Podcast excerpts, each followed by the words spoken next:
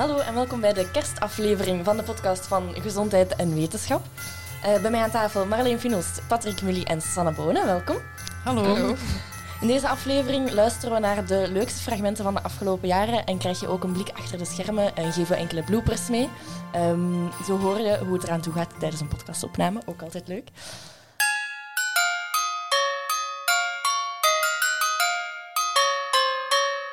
Hallo en welkom bij alweer een nieuwe aflevering van de podcast van Gezondheid en Wetenschap. Bij mij aan tafel zitten Marleen Finost, Patrick Mully en Sanne Bonen. Welkom allemaal. Dank u. Ja. Hallo. um, ja, Sorry, mag dat altijd een bloepen? Marleen is al weg. We beginnen daar.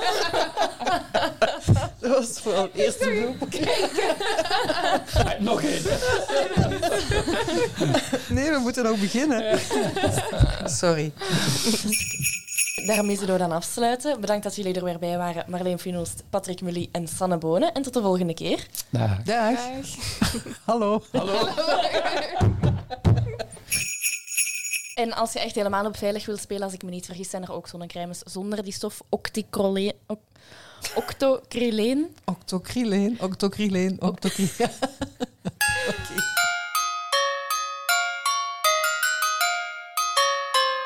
Over dranken gesproken, um, we hoorden ook dat bier ons kan beschermen tegen dementie. Ik denk dat veel mensen dat oh, graag zullen horen. Dat horen we ook weer graag. Hè? Dan is de kans dat ik dementie krijg nul. maar spijtig genoeg geloof ik dat verhaal niet. Uh, het, is, het is dus ook weer al een eigenaardig verhaal van een publicatie die verschenen is. En eh, de klassieke publicaties die gaan dan uh, een groep vergelijken, die, een groep die veel bier drinkt, vergelijken met een groep die minder bier drinkt. En dan zie je wie dement wordt.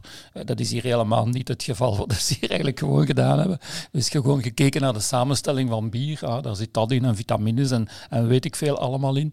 En dat is allemaal, en dan dat gaan linken aan dementie. En een conclusie was, ja, inderdaad, uh, daar zitten stoffen in bier die kunnen beschermen tegen dementie. Ik geef je een voorbeeld. Aluminium zou in de voeding en in dranken zou het risico op dementie verhogen. Daar zit silicium in bier en silicium zou dan aluminium vervangen en u beschermen tegen dementie. Maar dat is allemaal absoluut niet bewezen. En het eigenaardige van het artikel, dat is dat ze één zaak vergeten zijn veel alcohol drinken verhoogt het risico op dementie. dus Oei, ja. is dat toch wel zeer eigenaardig. Het leuke aan zo'n artikel is, ja, je zou dat zelf ook kunnen gaan doen. Hè. Je neemt ajuin of vlook of peterselie, je ziet wat er allemaal in zit. Maar aluminium zit toch in heel veel voedingsproducten in, in, de lucht en zo. Ja. Dat is vrij, vrij veel verspreid en inderdaad... Uh, Eventueel zou dat kunnen gelinkt zijn aan dementie, maar we weten toch bitter weinig over dementie ontstaan en zeker over de behandeling van dementie is toch nog een, een moeilijk onderwerp.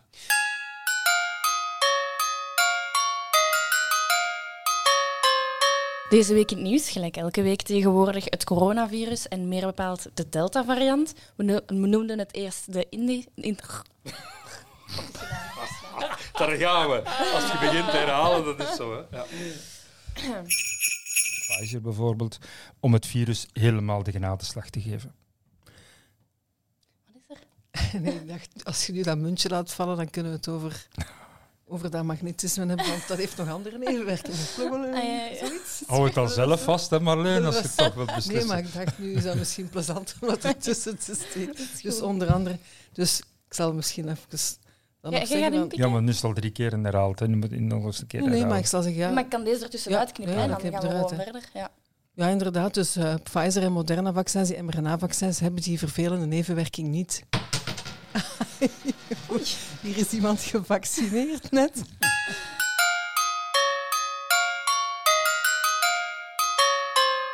Um, als het over mentale gezondheid gaat, of gewoon gezondheid in het algemeen, Um, zijn er een aantal mensen die graag naar de natuurlijke geneesmiddelen grijpen of de dingen die ze in de natuur kunnen vinden. Um, bij depressies wordt er vanuit de plantengeneeskunde bijvoorbeeld Sint-Janskruid aanbevolen. Um, Patrick, werkt dat ook? Wel ja, het gebeurt toch zeer dikwijls met kruiden en, en die, die, die, planten. Dat we moeten zeggen van ja, kijk, wetenschappelijk gezien, dat is allemaal heel mooi dat verhaaltje, maar er is toch weinig uh, bewezen of aangetoond. En in het geval van Sint-Janskruid zijn er toch wel interventiestudies die aantonen dat het zou werken bij lichte tot matige depressie, bij zware depressie. Eigenlijk weet men het niet, want daar is geen studie uh, bij zware depressie. De naam zelf is al zeer speciaal, Sint-Janskruid. Ik heb het eens opgezocht, want ik vond dat zo'n bizarre naam. Dat komt omdat de, de kruid, het, kruid, sorry, het kruid bloeit rond het Sint-Jansfeest op uh, 24 juni. Okay. En het is ook een kruid dat in de middeleeuwen genomen werd door vrouwen die uh, absoluut zwanger wilden worden. Dus ze namen dat kruid en dan rond middernacht moesten ze dan naakt in het bos rondlopen. En dat verhoogde de kans op een zwangerschap. En, en toen, werkt dat? En toen kwam Sint-Jan langs. Ja, toen kwam Sint-Jan langs. Niet dolgelukkig daags naar huis ging. Dus inderdaad, het is een kruid dat uh, historisch gezien toch al zeer veel gebruikt werd in de middeleeuwen en daarvoor ook bij de Romeinen en Egyptenaren. Het probleem is nu juist dat het werkt. Eh, met andere woorden, kan het toch wel problemen geven in combinatie met andere medicatie. Ik denk als je depressief bent en je neemt al antidepressiva en dan neemt je nog Sint-Jans uh, kruid in de vorm van een of andere thee, ja, dan gaat dat toch wel een invloed hebben op de werking van uw medicatie. En ik, spreek, ik zou eigenlijk niet alleen over antidepressiva moeten gaan spreken, maar ook over alle medicaties. Uh, men weet bijvoorbeeld ook bij kankertherapie, chemotherapie, uh, bij anticonceptiemiddelen, morfine zelfs wordt beïnvloed door de werking van Sint-Janskruid. Dus hier kun je inderdaad zeggen, er was een, een, zeer mooi overzicht van 35 studies op 7000 deelnemers. En die overzichtsstudies liet toch zien van ja, ja, het werkt. Maar dat wil dan zeggen, wees voorzichtig, want het werkt. Ja. En weten we aan welke dosering dat het werkt? dat is een beetje typisch voor de, de plantengeneeskunde en die terug naar de natuur, uh, therapieën en weet ik veel. Uh, men weet nooit aan welke dosering, hoeveel men moet gaan toedienen. Men kent de nevenwerkingen ook niet op lang termijn. Ik denk eender welke medicatie is gestandaardiseerd, daar zit een vaste hoeveelheid in. Je weet op voorhand wat daarin zit. Er is ook een bijsluiter bij met alle mogelijke en onmogelijke nevenwerkingen. Hier niet. Het is gewoon, ja, neem die thee, maar je weet eigenlijk niet hoeveel dat je binnen hebt, van product dat je binnen hebt, hoe dikwijls dat je dat moet gaan nemen en welke mogelijke nevenwerkingen zijn. Ik heb opgezocht, in de literatuur staat er wel een beetje hoofdpijn en droge mond, maar daar staan ook psychoses bij. Om, juist omdat het werkt tegen depressies, kan het eventueel ook uh, op dat vlak nevenwerkingen hebben. Dus ik zou toch altijd aan mijn arts of huisarts of specialist raad vragen voordat ik dergelijke producten zou nemen, of het nu supplementen gaan of kruiden.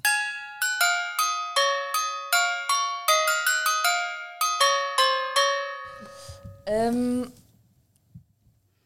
dan nog een laatste um, dingetje dat we onder... Nee, nee, nee. Het gaat over dat slapen nu. Ik zoek een, een, een brug, maar... Um... Ik te lang praat. We slapen. in slaap gevallen. ik ben heel moe. Um... Van hun uitleg. Uw uitleg maakt mij altijd slaperig.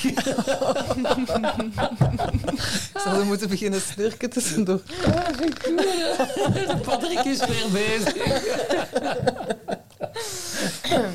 dat is toch goed voor de blooper, hè? Ja, dat wel, dat wel. Er is een kleine verbetering op een schaal. Men meet de, de cognitieve functies, hersenfunctie, geheugen, concentratie van mensen, ook van Alzheimer-patiënten, op de minimal mental states, uh, minimal mens, mental Minimal, men minimal mental state examination, yes, MMSE. Zo, goed.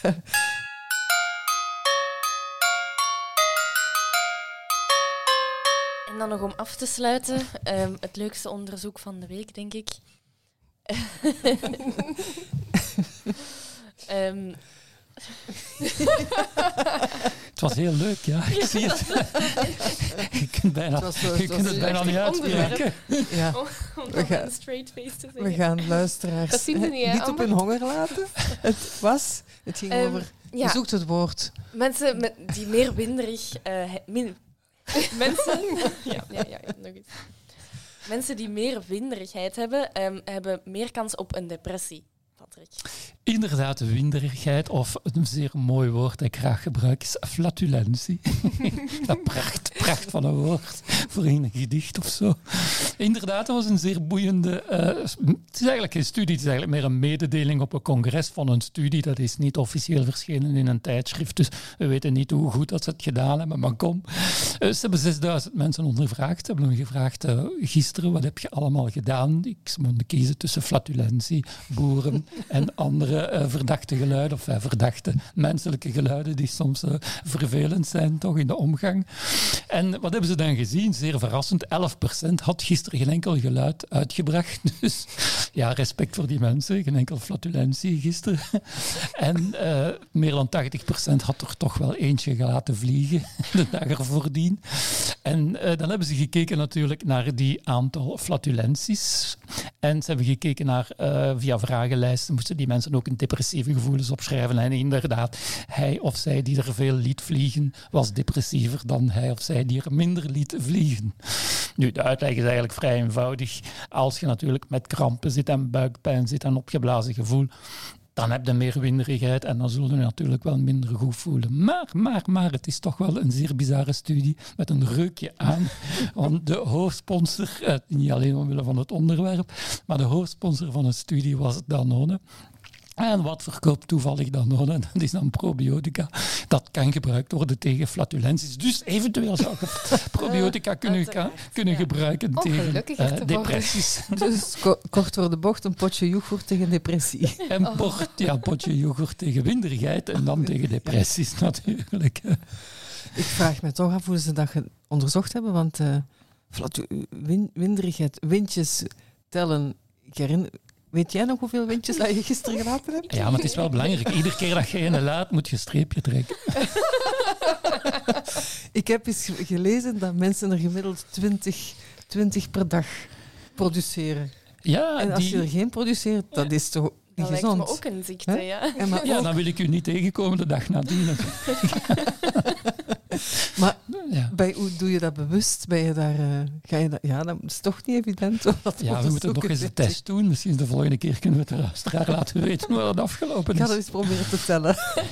Maar in onderzoek zien we toch dat mensen tot 2 liter lucht per dag eh, verwijderen via flatulentie, maar ook via boeren en oprispingen. Eh, omdat je veel lucht binnenkrijgt tijdens het eten. Ook koolzuurhoudende dranken produceren licht, lucht en bacteriën in uw darmen ook. Trouwens, de topper op gebied van flatulentie is, eh, kennen jullie Joseph Pujol? Nooit van gehoord. Ja, 19e eeuwse topartiest. Zijn bijnaam was Le Petoman, van PT in het Frans. En eh, hij trad op in volle zalen. En hij kon de Marseillaise nadoen met zijn flatussen. Dus al flatulerend kon hij de Marseillaise. En het schijnt zelf op het einde van zijn leven kon hij dus een blaasinstrument aansluiten aan de uitgang en dat bespelen. Uiteraard werd de zaal nadien verlucht. Hij is nooit depressief geweest, neem ik aan. Hij was helemaal niet depressief je verdiende goed aan zijn talent. Dat soms verborgen zit, aan Zie je wel? talent. We hadden geen studie nodig. Misschien moeten we hier afronden, want ik kan niet meer.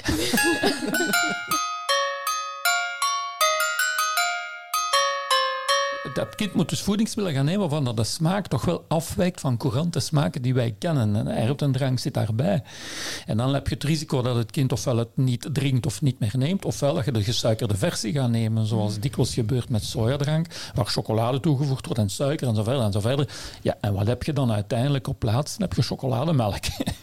Ja, nee, niet dan. Chocoladedrank. Chocoladedrank. Ai, ai, ai, ai. Maar met melk is dat chocolademelk. Oké. Dat was het weer al voor deze week. Bedankt dat jullie er weer... Voor deze maand. Ja, deze maand ook. Ja, oké. opnieuw. Voor vandaag ook. Voor vandaag. Vandaag, deze week en deze maand. Deze namiddag. Dit heerlijke uurtje. Augustus.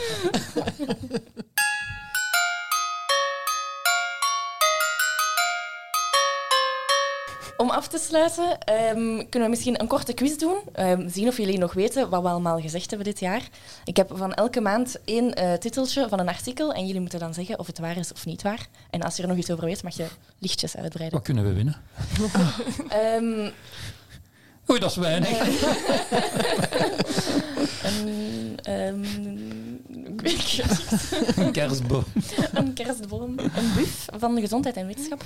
Ook beschikbaar op onze website.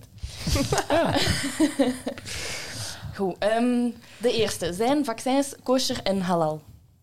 Ja. Ja. Iedereen akkoord? Ja? Wie heeft dat, wie heeft dat geschreven? Eh, ik? Ja. Ik dacht het ook. Hè? kwam het van mij. Heeft toch trouwens de kanten gehaald, dat stukje. Ja. Ja. Ja. Klopt. Ongelooflijke Dat- vraag. hè. Ja, mensen die bang zijn dat het eh, niet kosher of halal is, maar Ja. eh, geen En ik heb zelfs veel opzoekingswerk moeten doen om eh, dat met argumenten te kunnen eh, bewijzen. Ja, en ik herinner me nog dat die, zowel die Joodse gemeenschap Ja. als de islamitische gemeenschap daar echt hebben over moeten communiceren. Maar mensen, doen dat gerust. Het is kosher, het Ja. is halal. Ja. Ehm, de tweede, beschermt bier tegen dementie. Hopelijk wel. Maar gezien het bier dat ik allemaal gedronken heb, zou dat geweldig zijn. Maar spijtig genoeg Ja, klopt dit niet. nee, je kunt wel een soort dementie hebben, sanderendaags, als je s'avonds uitgaat en heel veel drinkt. Maar eh, dat is maar tijdelijk. Dus eerder het omgekeerde effect. Eerder het omgekeerde, ja, met een kater. Nee, Ehm, verhoogt, verhogen sojabonen het risico op borstkanker bij vrouwen. Nee. nee. Goh, amai zeg. Stel je voor. Waarom dachten we dat weer al? Omdat eh, sojabonen fytoestrogenen Ja. bevatten. Dat zijn stoffen die lijken op vrouwelijk hormoon oestrogeen. Daar is een link met borstkanker. Maar die fytoestrogenen, nee, die hebben geen eh, effect op het risico op borstkanker. Ja, Als je ziet hoeveel eh, sojabonen er gegeten worden in Azië en hoe weinig borstkanker daar is Ja. en hoeveel borstkanker wij hebben, Ja. dan is het antwoord duidelijk. Nee. Ja, dat heeft vooral te maken met laat kinderen krijgen en weinig kinderen of geen kinderen en eh, hè, zo'n dingen. hè. Obesitas Borstvoeding, ook, overgewicht. Ja, obesitas, inderdaad. Dan was het tijd voor de ramadan. Vermager je tijdens de ramadan? Goh, ik heb het nog niet gemerkt. Wij nemen daar natuurlijk niet aan deel, maar andere mensen wel. Dat is natuurlijk een moeilijke, dat hangt een beetje van de invulling af. Maar doorgaans zie je toch wel dat er een compensatie is. Als je de hele dag niet eet, dat je dan s'avonds meer gaat eten. Als je, je moet eigenlijk gaan eten voordat je honger hebt. En met de ramadan gaat je natuurlijk eten als je echt fel scheel van de honger bent. En dan heb je toch wel neiging om, om meer te gaan eten. Dus in de praktijk zie je toch wel dat het gewicht toch niet naar beneden gaat. Zoals men zou kunnen denken. Ja, en traditioneel eindigen we ook met een Suikerfeest. suikerfeest. Mm. Voilà. Klinkt heel calorierijk, dus het, is, het antwoord is nee, denk ik. Hè? Je Ja. valt niet af. Nee, klopt. Ehm, we hebben het graag over bier, want mogen we een pintje drinken nadat we gevaccineerd zijn tegen corona? Oh ja, dat was ook een leuke. Ja, dat mag. Dat mag, dat mag. Oh, daar heb ik ook heel wat vragen rond gekregen van mensen die dachten eh ervoor en daarna. En dat is ook, ik denk in Rusland. Ja, dat is, ik herinner het mij nu terug. eh, in, in, in de Russische media was dat je mag niet drinken vier, vijf weken na de vaccinatie. Maar dat is omdat daar zoveel mensen eh, al, alcoholisten zijn en zoveel enorme problemen met vodka, overconsumptie van vodka, dat daar één arts dacht van ah, we gaan die vaccinatie een keer aangrijpen om te zeggen je mag niet drinken, anders werkt het vaccin niet. En dat, heeft dan, dat is tot hier geraakt aan nieuws, maar dat was... eh, En drinken ze nu minder in Rusland? Of? Het is daar wel dramatisch. ja. Oké, de volgende. Kan je lichaam een ideaal gewicht onthouden? Nee, een ideaal gewicht. Uw lichaam heeft eigenlijk geen idee van wat is een ideaal gewicht. Maar het is wel zo dat je bepaalde interacties hebt met je omgeving. Jij eet een bepaalde hoeveelheid voedsel en dat zal u leiden naar een bepaald lichaamsgewicht. Eh, om een lager lichaamsgewicht te hebben, zult jij een andere relatie moeten hebben met de omgeving, dus minder gaan eten. En dat is natuurlijk niet evident. Je hebt neiging om terug te keren naar je oorspronkelijk eh, gewicht. Met andere woorden, echt een ideaal gewicht is er niet. Er is wel een ideale gewichtszone, dat we dan meestal uitdrukken bij de body mass index. Tussen 20 en 25 zie je toch dat je daar het minste kankers hebt, minste hart- en vaatziekten en zo verder en zo verder. Maar een absoluut ideaal getalgewicht, wa- nee. nee. Nee, akkoord. Oké. Ehm, en dan een hele bijzondere studie die gepasseerd was. Helpen tandenklemmen om te vermageren? Ja, bah, wat is studie? Ik herinner me dat. Ja, natuurlijk helpt dat als je mond dicht... je mond dicht... Dat was... Hoe, hoe zat het nu meer? Ik heb nog gezeten zoeken op internet naar beelden daarvan. Dus ja, ze, ze, Ja. ze zorgen dat je mond niet open krijgt. Hè? Natuurlijk Ja, daar kwam dan. het op neer. Ja. Maar van het moment dat die klemmen eraf gaan, Ja. eet je Ja. dat natuurlijk weer bij. Dus ja, natuurlijk gaat dat geweldig resultaten geven, want je krijgt alleen vloeibare voedingsmiddelen binnen. Het is ook niet zonder gevaar. Hè. Je kunt verslikken, verstikkingsproblemen, ondervoeding ook, want je krijgt natuurlijk te weinig vitamines, mineralen binnen en zo verder. Ik, denk, ik, denk dat dat in, ja, ik denk dat dat interessant is als je voor een operatie zeer snel veel moet gaan verliezen, maar dat is geen oplossing van obesitas of overgewicht op lang termijn. Het heeft het commercieel niet gehaald, denk ik. Nee. Ik heb er toch niks meer over gehoord. Nee. Hoewel ik zie toch wel sommige mensen die veel praten, zou ik het toch wel graag zien toepassen. Maar dat heeft dan een ander doel natuurlijk. Dat heeft een heel ander doel, ja. Ja, ja die hebben een normaal gewicht. Ja. Ehm, en kunnen sardines helpen om eh, diabetes te voorkomen? Goh, daar weet ik niks meer van. Dat is wel een leuke natuurlijk. Wel, ik zie niet onmiddellijk een... een, een, een- het, het, het- is waarschijnlijk een studie die aantoont dat mensen die veel sardines eten ook minder diabetes hebben. Maar sardines maken deel uit van gezonde eet- en leefgewoonten. En dat is weer al zo wat ik noem een reductionistische studie. Een studie waar dat men gaat kijken naar één voedingsmiddel. Och, arme die sardines. Maar je moet eigenlijk breder gaan kijken. En inderdaad, mensen die regelmatig vis en vette vis eten, Dat- die hebben ja. neiging om gezonder te eten. Dat is een vette vissoort, denk ik, Ja, sardines. Die hebben neiging om minder te roken en zo verder en zo verder. En als je minder obesitas hebt, heb je al sowieso minder risico op eh, type 2 diabetes. Dus Altijd hetzelfde verhaal. Hè. Dat is eigenlijk op den duur een beetje saai. dat is een beetje de fout van de onderzoekers ook. Hè, die echt eh, zo'n database gaan opdelen in kleine stukjes, zodat iedereen iets te doen heeft. En, ja, en Joske die kijkt naar sardine en Louis die zal kijken naar zalm en, en, en Gerard naar, naar, naar haring. Dus dat is een beetje belachelijk aan het worden. Ehm, kan je hartritmestoornissen verminderen met sport? Hmm. Wie weet dat? Zitten we al terug in september? Ja, ja, ja. We komen, Ja, ja, in de recente... Ja, Ja, maar als je te veel sport, kan je het verergeren. Dat is zo... Dat is dubbel, hè? Dat is ja. dubbel. Ik weet dat alleszins eh, een, een van de meest voorkomende hartritmestoornissen is voorkamerfibrillatie. En bij de hele, echt bij de profwielrenners en zo, de echte lange duursporters, die eh, hebben meer risico op voorkamerfibrillatie. Ja. Maar ja, dat neemt niet weg dat sporten gewoon echt gezond is voor je hart. Mhm. Maar overdreven sporten. Niet. oké. Ehm, eentje dat regelmatig terugkwam, gaat de menopauze nooit voorbij? Jawel. ik ben het levende bewijs. Oh, dat is onzin waar ik me zeer aan geërgerd heb. Ja, dat heeft natuurlijk ook wel een achterliggende reden om zoiets te verspreiden. Dat is namelijk eh, dat je daar moet eh, voor eeuwig en altijd eh, medicatie voor moet nemen. Dat natuurlijk niet nodig is. Hè. Allee, tenzij natuurlijk mensen met ernstige klachten gedurende een aantal jaar, daar heb ik het niet over. Maar eh, jawel, de menopauze duurt, of de overgang duurt eh, drie, drie tot vijf jaar, denk ik. Zoiets gemiddeld. Maar ze gaat voorbij. Gelukkig. Alles gaat voorbij. Zelfs het leven gaat voorbij. Ja. Oei. Mag je meerdere types van covid-vaccins combineren? ja, dat doen we nu hè, met de boosters. Ja, absoluut.